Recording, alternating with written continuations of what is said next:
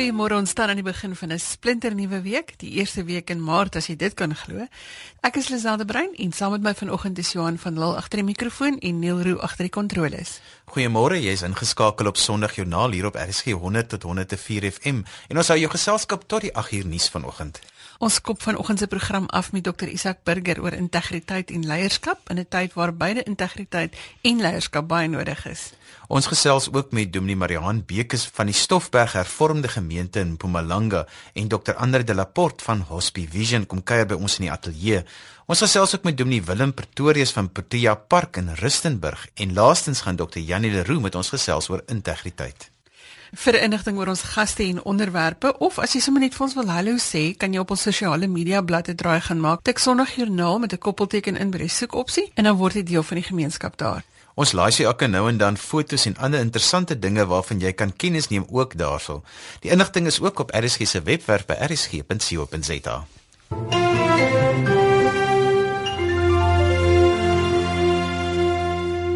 In 'n samelewing waar korrupsie en onetiese optrede saam met selfverryking soms die boetoon voer, is 'n Bybelse fokus op leierskap in 'n tyd soos nou uiters aktueel. Dr Isak Burger, die president van die AGS van Suid-Afrika, sluit vanoggend by ons aan en hy gaan bietjie vir ons help om saam te dink oor leierskap en integriteit. Goeiemôre Isak. Goeiemôre Lisel en goeiemôre aan die luisteraars. Isak, miskien moet ons net eers begin met 'n definisie van leierskap en integriteit.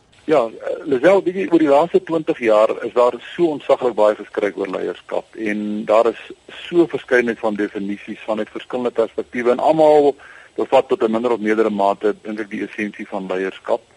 Ehm uh, en ek wil ook sê jy weet tussen die begrip van leierskap in jou in jou koöperatiewe sekulêre wêreld buitekant en in die kerk is daar is daar wel baie ooreenkomste. Daar's sekere kwaliteite, daar's sekere vereistes wat beide in en binne en buite die kerk geld. Maar dan moet mense ook sê dat daar is daar's sekere dinge wat uniek is en wat hoort by uh kerkleierskap. Uh jy weet uh, jy vind dikwels in, in in kerklike geskrifte oor leierskap word daar persone uit die Ou Testament as ideale leiers voorgehou soos 'n Moses of 'n Nehemia of Dawid. Uh maar ek dink vanuit 'n Christelike perspektief is en moet Christus ons absolute voorbeeld van leierskap bly.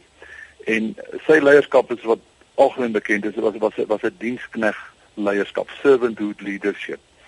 Uh sy bekende uitlating uh aan die disippels is, is die belangrike hier waar hy gesê het ek het nie gekom gedien te word nie maar om te dien. So in kerklike konteks is leierskap nie 'n baasspeelery nie, dis nie uh, vir eie gewin nie, dis nie vir eie voordeel nie. Dit is ten diepste om te dien en ek ek in my eie lewe en in ons eie geleedere ek baie klem daarop dat mense nie moet gesien sien as soort van 'n van 'n baas van 'n firma nie.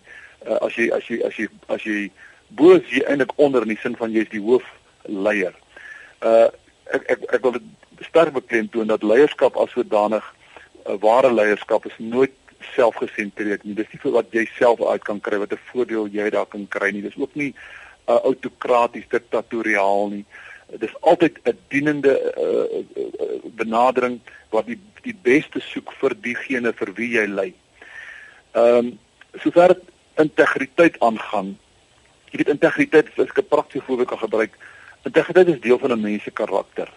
En 'n mens se karakter kan vergelyk word met die fondasie van 'n gebou. Iets wat onder die oppervlakte lê wat mense nie op die onmiddellik sien nie, maar wat die sterkte en die krag en die langdurigheid en die kwaliteit van die bouwerk bo op uh, bo op die fondasie uh, bevestig. Uh, nou waar kom integriteit in wanneer jy oor oor oor, oor karakter praat? Integriteit gaan oor die sterkte, die heelheid van 'n mens se karakter. En mense moet baie duidelik onderskei van van 'n iemand se persoonlikheid. Jy weet, 'n persoonlikheid is wat wat 'n mens is uh, in die lig wanneer ander mense na jou kyk karakter is ten diepste wat jy is wanneer daar nie mense is wat na jou kyk nie, wanneer daar nie 'n kamera op jou is nie, uh, wanneer jy wat jy in jou gedagtes is, wat jy in die donker is, wat jy alleen is. En daai heelheid van 'n mens se karakter, dit is jou integriteit. So integriteit het ten diepste te maak met met met met egtheid en met waarheid. Daai twee konsepte is integraal aan aan integriteit. Ehm um, en as ek as ek in 'n kort woordjie moet sê wat wat is my eh, definisie van integriteit? Integriteit gaan daaroor dat 'n mens is wat jy voorgee om te wees. En gebrek aan integriteit is om voor te gee wat jy nie is nie. Ek het 'n skrifteksie daai Spreuke wat vir my amper dit die beste opsom in Spreuke 11 vers 1 waar uh, hy sê 'n valse weegskaal is vir die Here 'n gruwel, maar in die regte gewig het hy 'n behaag. En ek het baie gewonder oor die gedagte van 'n vals weegskaal. Uh hoekom hoekom sou God so sterk woord gebruik dat dat 'n vals weegskaal 'n koue kliniese tegniese instrument vir hom 'n gruwel is. Vir die eenvoudige rede dat 'n weegskaal is juis simboliek of simbool van betroubaarheid, van egtheid, van waarheid. En en en dit is wat integriteit is. Integriteit gaan oor waarheid, oor betroubaarheid, oor egtheid. En as God so, so, so sterk uitkom teenoor 'n valse weegskaal, is eintlik uh, teenoor die hart van die mens want bedrieglik is die hart van die mens bo alle dinge sê die Bybel en, en ek weet die, die mens die produseerder van van van van weegskale en valse weegskale en in die Bybelse tyd uh wil ek dit net vlugtig noem. Jy weet dit baie van jou handelaars het het meer as een stel gewigte gehad. Dit was weegskale wat aan een kant 'n bak gehad het vir die gewigte en aan die ander kant 'n bak vir die goedere.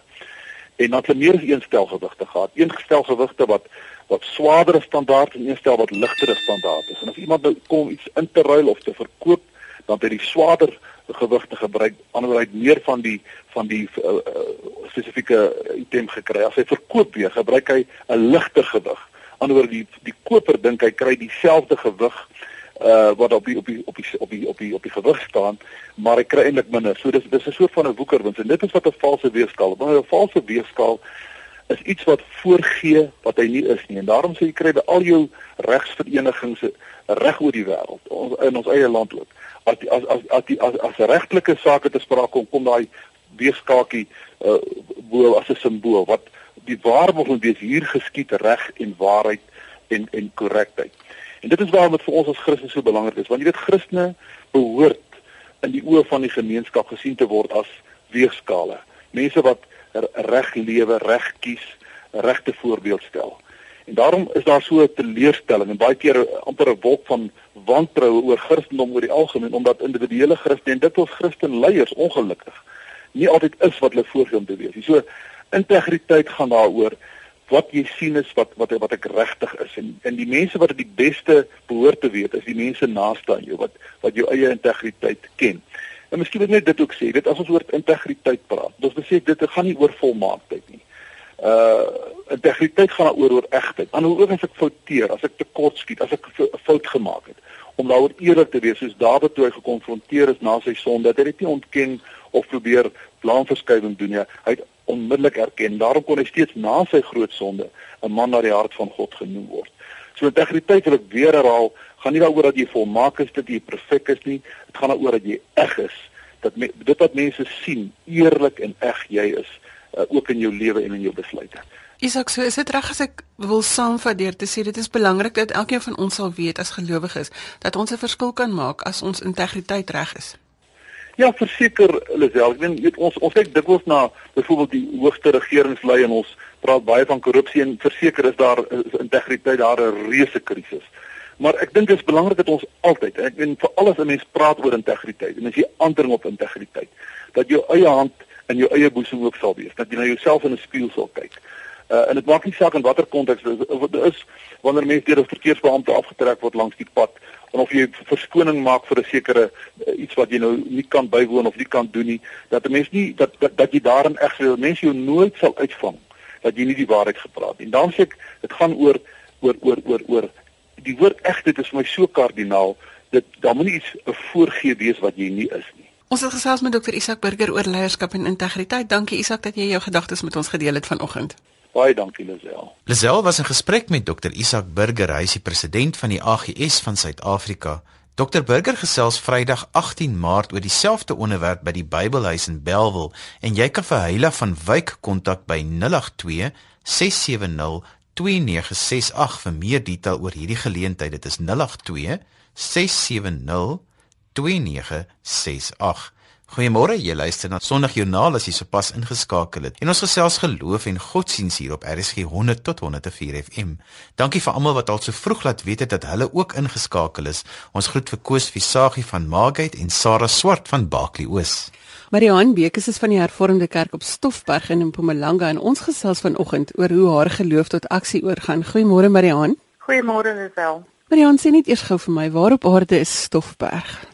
Jong, weet jy Stoffberg is 'n baie klein plekkie. As jy nou van Middelburg in Mpumalanga af ry uh, op pad Steelpoort toe, dan moet jy daar op 'n stadium verby 'n bordjie gaan wat ehm um, sê Stoffberg.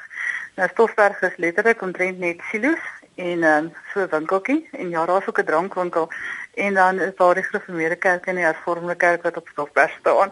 Dis is die dorp. Ons is daarom bly daar's twee kerke en een drankwinkel. Marian sê gou vir my, jy het 'n storie van jou geloof wat tot aksie oor gaan. Vertel ons wat doen jy? Weet jy, ons het uh, in die gemeente op 'n stadium gekom dat 'n mens daai gevoel kry dat nou moet hier iets gebeur. Dat jou geloof moet regtig sigbaar word. En een aand het ek geluister na 'n program op RSG oor vroue in gevangenis en dit het onmiddellik my aangegryp. En net daarin dan het ons te besluit dat ons gaan betrokke raak by vroue gevangenis in Mpumalanga. Dit was nie lank aan nie toe ons hier in Middelburg se gevangenis gewees en ek dink dit was 'n kwessie van omtrent 'n maand nog later het ons die eerste Kersfees op die trollies gehou vir die vroue. En uh, by die geleentheid het ons nou vir hulle 'n geskenkpakkie oorhandig en ons het regtig begin om bietjie aktief betrokke te raak by hierdie vrouens. Met hulle te gaan sit en met hulle te gesels. Dit het nou later uitgebrei na die uh, vroue gevangenis, die maksimum gevangenis in Bethel waar mense baie groter hoeveelheid vroue het en dan ook vroue met baie baie lank vonnisse. En weet jy, hier het 'n mens regtig die verhale van mense gehoor en ons het agtergekom, weet jy, dit is net vrouens net presies soos ons. Vrouens met dieselfde hartseer en met dieselfde pyn, dieselfde kinders. Ehm um, ag, weet jy, dit is regtig net soos ons. En op die ou einde het mense besef dat hierdie vroue regtig nodig dat jy by hulle sit, stil staan en dat jy ook die geloof met hulle kan deel. En ehm um, ons het begin ook met uh, om bietjie ook hulle te ontwikkel in terme van jy weet hulle vaardighede. Ons het begin met brei en met nikkel en met uh, allerlei papierkuns. Ehm um, ons het begin met uh, kraletjie werk met verf. En uh, natuurlik jare verby het ons dan nou ook die tweede Kersfees agter tralies gehou en dit was een van die mees ongelooflike ervarings van 'n mens se lewe om te sien dat mense vir jou sê, 'n vrou vir jou sê, dis die eerste keer in 18 jaar dat ek 'n geskenkie op Kersfees kry. Of jy al die gevoel van as jy kyk na vrou en sy vat hierdie waslap en sy vry voor haar gesig en sy sê net ek kan nie glo ek het 'n waslap nie. Ag, dis hartseer hoor. dis regtig hartseer. Marianne, jy praat van ons. Wie is dit wat jou help? Weet jy dit is die gemeente, die hele gemeente ervormde gemeente van Stoffberg en dan het ek ook 'n klomp dames wat betrokke is uit alle ander kerke wat betrokke geraak het by hierdie projek wat ons dan ook noem Invest My Future. Dit is vroue wat van net aan die kant Bronkhorstspruit ry elke maand om Bethal toe te kom. Daar's vrouens wat kom van Middelburg, van Groblersdal, van Pretoria, van Johannesburg. En hierdie vrouens dra aan elke moontlike ding wat ons nodig het. Dis hulle wat verskaf, dis hulle wat die onderklere bring, dis hulle wat die boeke bring en weet jy, daar's 'n stuk of 26 vrouens wat dan aktief hier aan aan hierdie projek werk en hulle kom van oor ag elke denkbare kerk kom hulle dan na na ons toe en hulle kom help vir ons met hierdie met hierdie wonderlike werk eintlik wat 'n mens doen. Marion, ons hoor nou julle ryk uit na hulle toe. Maar wat beteken dit vir jou eie persoonlike geloofslewe om hierdie mense by te staan? Weet jy, ek dink dit was vir my um een van die groot dinge was wat ek ervaar het is hierdie gevoel, die ongelooflike gevoel wat jy kry wanneer jy daai tree gee van ongelooflike daai onvoorwaardelike aanvaarding.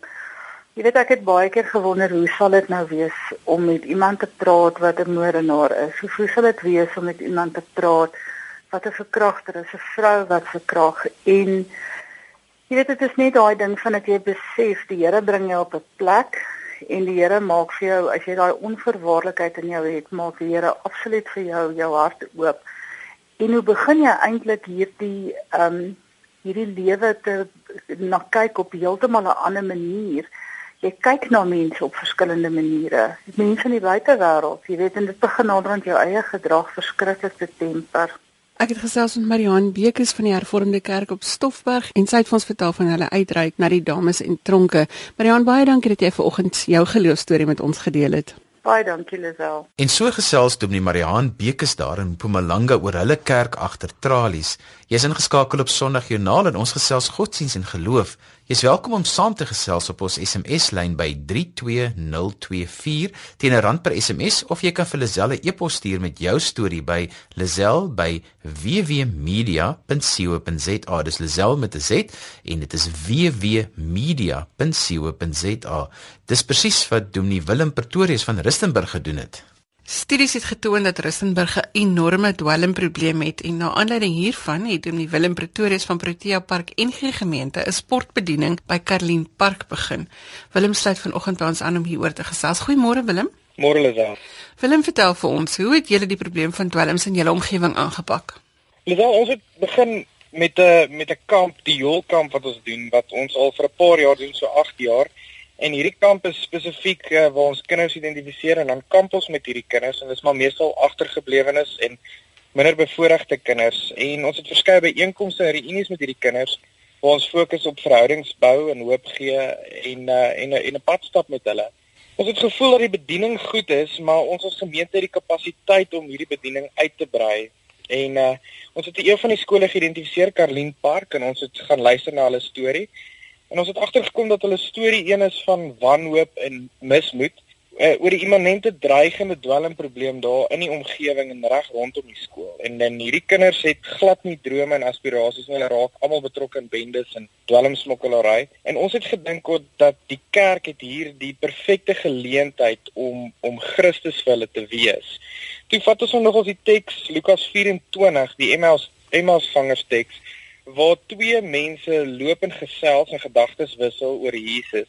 En dan kom Jesus self nader en hy loop saam hulle en en hy en hy praat met hulle en so het ons besluit om as kerk saam hierdie skool net te loop en hulle storie te hoor, te hoor waarmee hulle worstel. En dan die interessante van die Lukas teks is is in vers 32 sê hy het hulle harte nie warm geword toe hy op die pad met hulle loop en en die skrif hulle uitgelê het nie. En so wil ons saam met die kinders net 'n pad loop en en en Christus vir hulle blootstel deur middel van hoop, deur middel van 'n alternatiewe en 'n en 'n ander toekoms vir hulle te gee en en dit doen ons deur sport.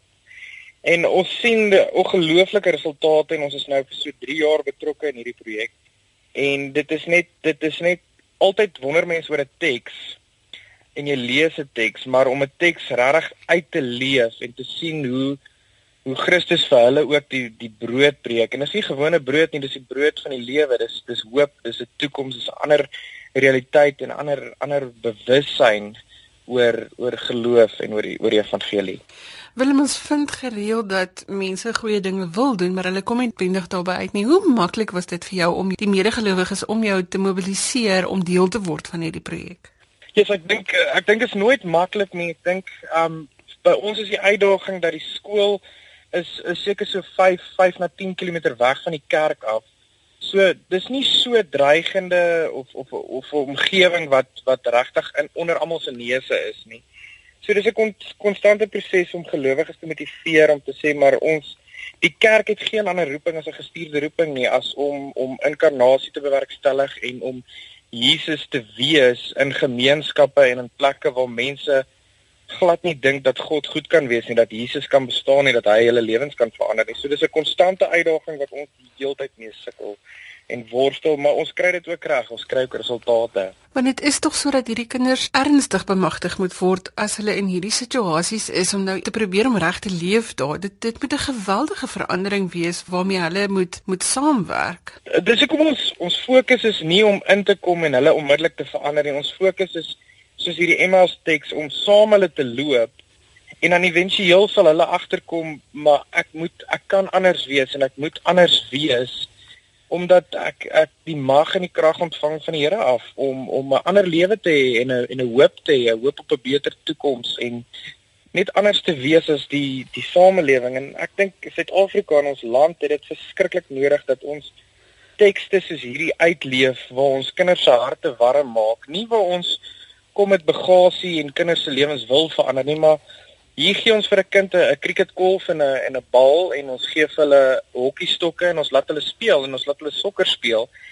En dan begin ons ons het begin om infrastruktuur ook op te rig daar soos onder andere die sokkerveld te te verbeter en cricketnette op te sit en en so wonder hierdie kinders maar hoorie hoekom doen hierdie mense goeie goed aan ons want dit is dis 'n nou vier skool So hulle ontvang bitter min uh geld van enige instansie af en hier kom 'n kerk en hierdie kerk het geen ander motief as om net kinders se lewens te verander nie. Klink vir my nou 'n storie van geloof en aksie, maar Willem nou met sulke uitreike is dit noodwendig so dat dit nie net 'n uitwerking op die kinders het nie, maar dat dit ook 'n uitwerking op jouself het.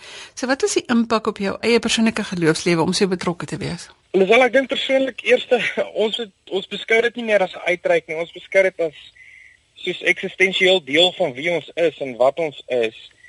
Want om 'n Christen te wees en om mense te help is altyd lekker, maar soos hierdie projek as as as dit eers naby aan jou kom en jy voel dit en jy raak betrokke en jy sien hoe kinders weer glimlag en hoe hulle speel en hoe onderwysers in 'n staatskool weer hoop kry en anders kyk na die land en en en geloof in Jesus. En jy beleef werklik daai gedeelte in Lukas waar mense se harte warm word en hulle sien goeie goed van van Jesus wat wat vir ons goed is en ons wat dan aan hulle goed is. Dan word dit 'n ander realiteit en uh, maak jou hart warm en dit is lekker om deel te wees van 'n plan wat baie groter is as jy wat jy nou net 'n tikkie van sien en en en en dit maak my opgewonde. Dit dit maak my opgewonde as jy vandag kyk na wat alles om ons aangaan, dan besef jy daar's net te veel mense met koue harte. Daar's as jy die onluste op universiteite kyk en goed daar's daar's daar's te veel koue harte en ons ons plig as gelowiges is om mense se harte weer warm te maak en weer sag te maak. Willem ons weet Rustenburg is baie swaar getref deur die myne wat toegemaak is. Hoe lyk die omgewing op die oomblik? Wel ek dink die omgewing is is baie kosmopolitaan, ons het iets van alles of iemand of of, of mense van elke nasie en ras hier, so maar ek dink die die effek van die myne en die situasie tans en na die die stakings van van laas jaar is hoofsaaklik op 'n ekonomiese vlak. Mense voel die druk konstant en ons kry verskriklik baie afdanking steeds en mense wat hulle werk verloor.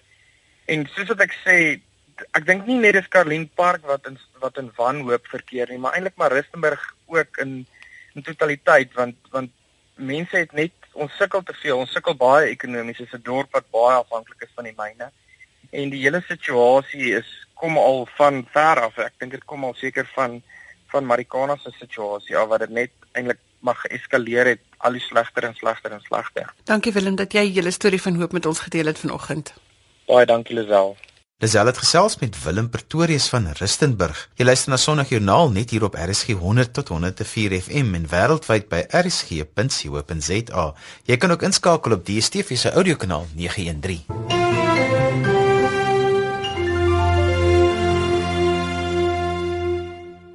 Dr. Andre Delaporte is van Haspe Vision en hy kuier vanoggend saam met ons in die ateljee. Goeiemôre Andre.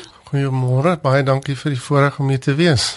Andre, verduidelik gou vir ons wat is Haspe Vision? Uh Haspe Vision het ontstaan om die behoefte aan pastorale werk veral in staatshospitale te vervul. Vir baie jare het kerke hospitaalleraars gehad Maar dit is so van die afgelope 20 jaar af is dit geleidelik besig om uit te faseer. En ons het ontstaan in Pretoria toe die laaste hospitaalleraar daar afgetree het, was dokter Andrius Gous en sy pos sou nie weer gevul word nie. 'n Klompie van ons het toe bymekaar gekom en gesê, "Wat doen ons aan pastorale werk in die hospitaal?"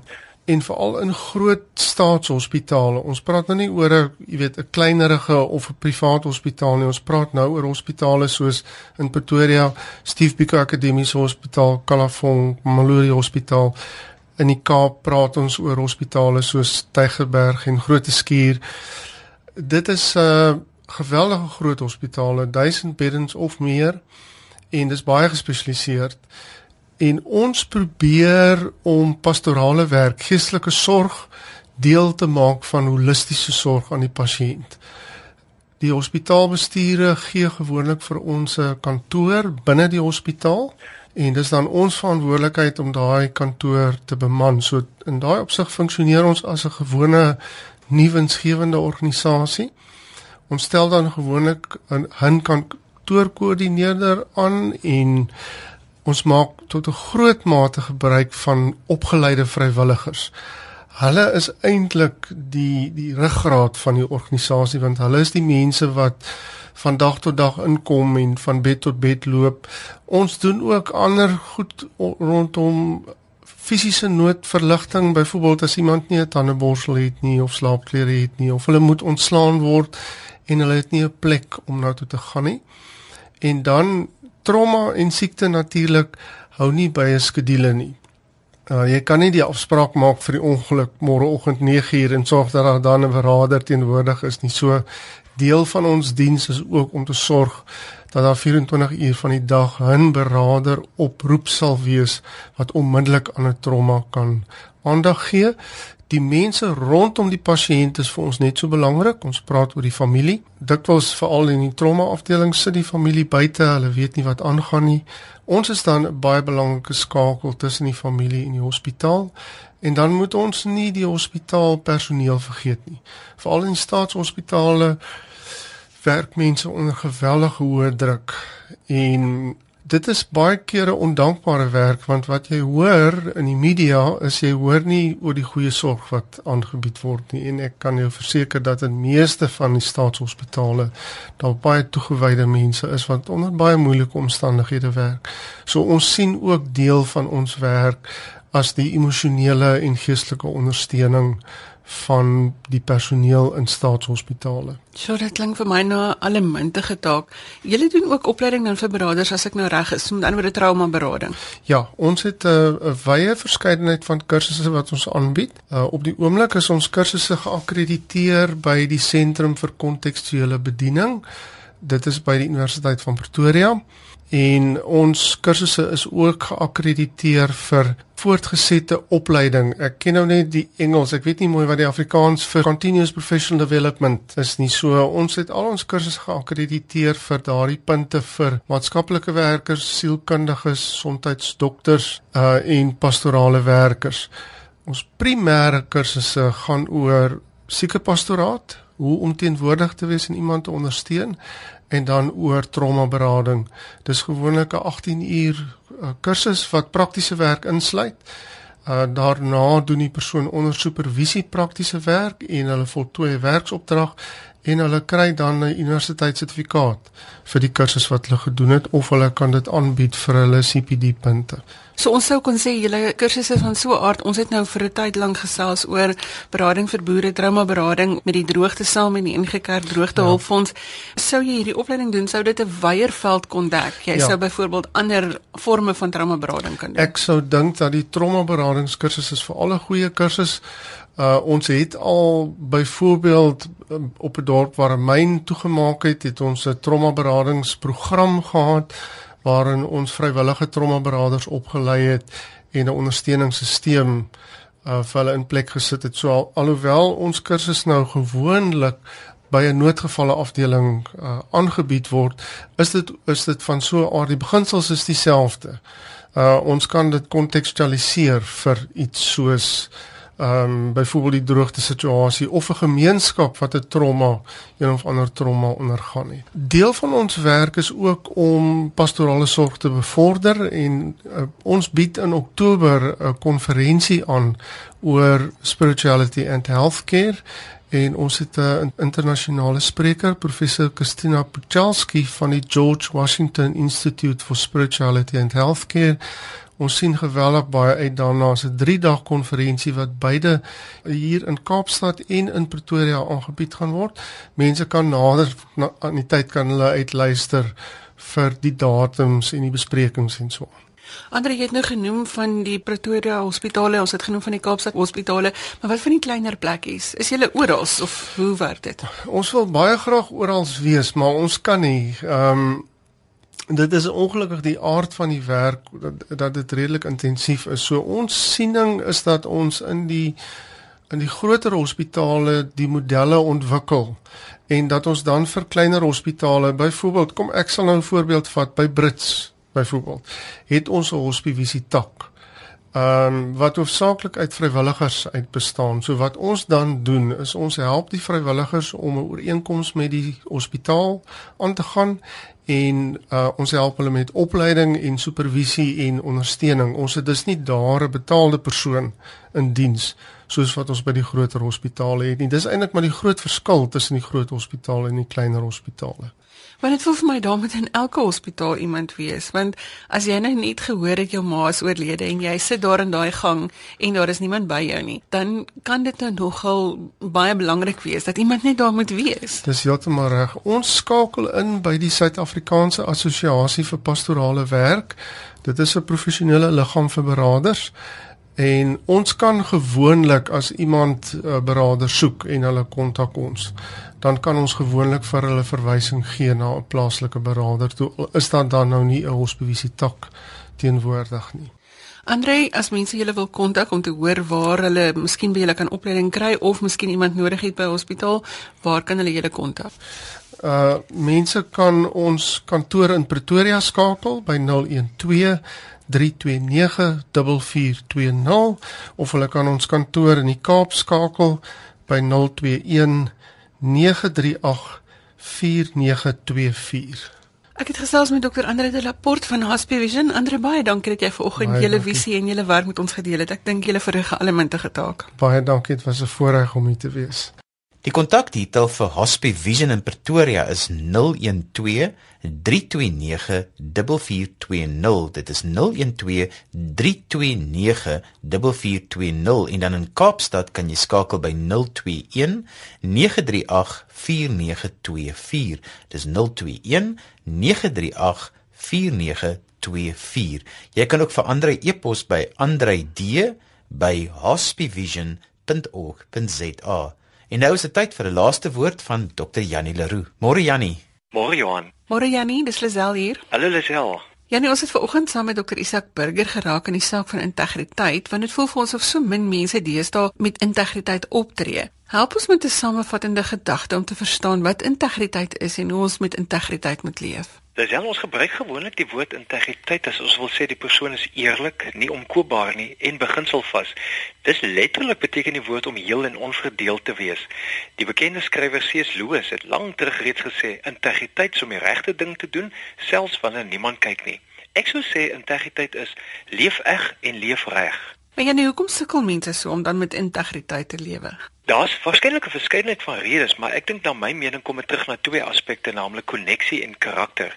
Uh, kom ons gesels eers oor koneksie. Ons het as mense 'n diep behoefte aan koneksie. Koneksie is om met ander mense in 'n goeie verhouding te wees. Maar soms is ons so bang dat ons uitgesluit gaan word, dat ons eerder 'n masker opsit vir en voor ander mense sodat hulle nie ons ware self kan sien nie. So mense is dan bereid om eerder te jok oor hulle self as om die koneksie te verloor met diegene wat vir jou belangrik is. Die ironie is dat ons juis koneksie bevorder wanneer ons meer van ons ware self wys. Die wonderlike nuus is dat wanneer ons ook kwesbaarheid en broosheid wys, dit juis koneksie met ander mense bevorder. En die ander rede hoekom mense sukkel om met integriteit te lewe, het te doen met karakter. Wanneer jou karakter skeef getrek word deur selfsug en 'n oorlewingsmentaliteit, dan kan jy baie maklik jou integriteit prysgee. Dan sal jy makliker dinge doen soos om oneerlike transaksies te beklink met die regverdiging van die doel sal die middele heilig. Of jy sal skemas aanpak om jou beste te laat om jou die beste te laat wees ten koste van ander mense. Of jy lewe jou lewe in sulke kompartemente dat jy Sondag iemand anders is as wat jy Maandag is. En hierdie verlies aan integriteit laat jou nie net jou goeie karakter verloor nie, dit verbreek ook weer die koneksie met ander mense. So integriteit het te maak om heel te wees, om onverdeeld te wees, om dieselfde mens te wees waar jy ook al is, want dan kan ander mense op jou reken en jouself bly heel. Beteken dit dat ons dan altyd perfek moet wees, Jannie? Niemand op aarde kan perfek wees nie. Ons is nog almal onder konstruksie. Maar begin jy vir jouself nie te jok nie. Ek onthou dat die professionele golfspeelster Babe Saharias per ongeluk die verkeerde bal gespeel het en toe penaliseer sy haarself met twee houe verloor so die eerste plek in 'n toernooi. Iemand wou weet, hoekom het jy dit gedoen? Want niemand sou dit agterkom nie. Kyk, hulle daardie tyd mos nog nie al die televisiekameras gehad soos vandag nie, maar sy het geantwoord, ek sou dit weet. So wees eerlik en kwesbaar en maak reg. Onthou dis die Heilige Gees wat jou help om al hoe meer met integriteit te lewe. En die vrug van die Gees in jou lewe leer Galasiërs 5 vir ons is liefde, vreugde, vrede, geduld, vriendelikheid, goedhartigheid, getrouheid, nederigheid en selfbeheersing. En iemand wat so is, is iemand met integriteit. So Janie, vat vir ons saam in 'n nete dop. Integriteit is leef eg en leef reg. Dankie Jannie dat jy weer vir ons vanoggend geïnspireer het. Baie dankie Lisel, dit is 'n groot voorreg. Dr. Jannie Leroux ons inwonende inspireerder wat ons daagliks gefokus hou. Jy kan vir Jannie kry by Jannie by jannieleroux.co.za. Volgende Sondag is ons weer hier op dieselfde tyd met nuwe stories uit die wêreld van geloof en godsdienst. Stuur gerus vir my 'n e e-pos as jy 'n storie het wat jy met ons wil deel by Lizel L E Z E L L E by www.media.co.za. Ek gaan dit weer stadig herhaal. Dit is Lizel L E Z E L E by www.media en let tog daarop dat daar net twee W's is .co.za. Ons gaste vanoggend was Dr. Isak Burger, Mariaan Bekes, Willem Pretorius en Andre Delaport van Hospice Vision. Ek groet tot volgende week. Totsiens. Ek groet ook namens produksieregisseur Neil Roo agter die kontroles met die musiek van Romans. Ons luister na Hy is die eerste en laaste. Tot later vandag wanneer ek weer agter die mikrofoon inskuif vir ons in die onderwys van my Johan van Lille. Totsiens. Wie gaan ons toekoms wees? Die antwoord gee